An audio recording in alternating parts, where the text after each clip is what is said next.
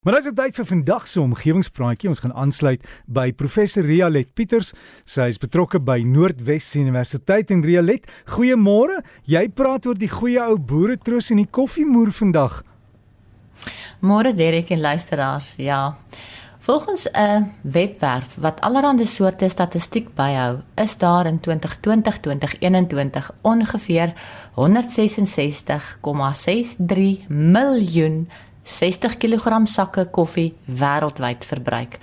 Koffie is die kommoditeit wat die tweede meeste in die wêreld verhandel word na petroleum en word in ongeveer 80 lande verbou. Daar moet dus baie gebruikte gemaalde koffiebone wees wat net weggegooi word.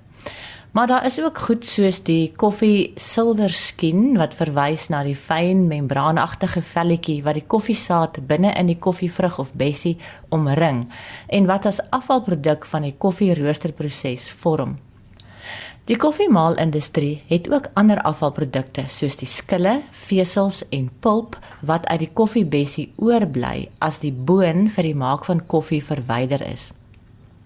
Die pulp word gebruik in die maak van alkoholiese dranke en asyn en die fyn membraantjies waarvan ek net nog gepraat het, word gebruik om die veselinhoud van kosprodukte soos jogurt en koekies te verhoog. En die melanoïde in die membraantjie veroorsaak dat dit as voedselkleursel gebruik kan word. Die membraantjie is ook hoog in antioksidante. Die skille en velletjies van die koffiebessie word ook as veevoer benut. Maar vandag gesels ek hoofsaaklik oor waarvoor die gebruikte gemaalde koffiebone of koffiemoer soos ek dit noem, gebruik kan word. Vir hierdie inligting het ek 'n 2019 artikel uit Journal of Industrial and Engineering Chemistry en 'n 2015 artikel uit Trends in Food Science and Technology gebruik. In die gebou waar ek hier op die kampus werk, word die gebruikte koffiemoer in groot emmers gegooi en wanneer die emmers vol is, neem van die kollegas die koffie afval huis toe om in hulle tuine te gaan inmeng, want dis glo goeie kunsmis. Ten spyte daarvan dat baie soorte organiese afval gebruik word in kompos of kunsmis vir die tuin, is die toediening van net koffiemoer dalk nie so 'n goeie plan nie as gevolg van die hoë koolstof tot stikstof verhouding, die fenoliese inhoud en die suurheid daarvan. In 'n studie waar broccoli Preie, dis nou leeks, radyse, sonneblom en viooltjies gebruik is, het al die plante minder goed gegroei. Maar in 'n ander studie het die 40% koffiemoer gemeng met veen of piet, die basiliekruid en die tomaties wat in potte gekweek is, net so goed laat groei as standaard bemestingstowwe. En toe Batavia blaarslaai in grond gegroei het wat 20 tot 30% koffiemoer bevat het, was die plante groener en meer aantreklik vir verbruikers. Verder verhoog lae vlakke koffiemoer in die grond, die minerale, bioaktiewe verbindings en antioksidant aktiwiteit. Die koffieafval, net soos ander organiese afval, verminder ook die uitloging van plaagdoders uit die grond uit.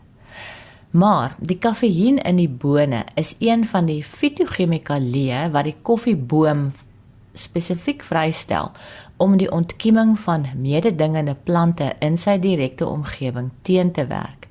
Dis so effektief dat die kafeïen wat reeds in die grond is van 20 en 30 jaar oue koffieplantasies, die groei van die koffiebome self strem. Gebruikte koffiemoer is al ondersoek vir geskiktheid om biodiesel mee te vervaardig want dit bevat ongeveer 15% olie per droë massa eenheid. Maar die hoofbestanddeel van gebruikte koffiemoer is die polisakkariede selulose en hemiselulose wat saam ongeveer die helfte van die droë massa uitmaak. Die bousteen van die selulose is glikose en die boustene vir hemiselulose is mannose, galaktose en arabinose.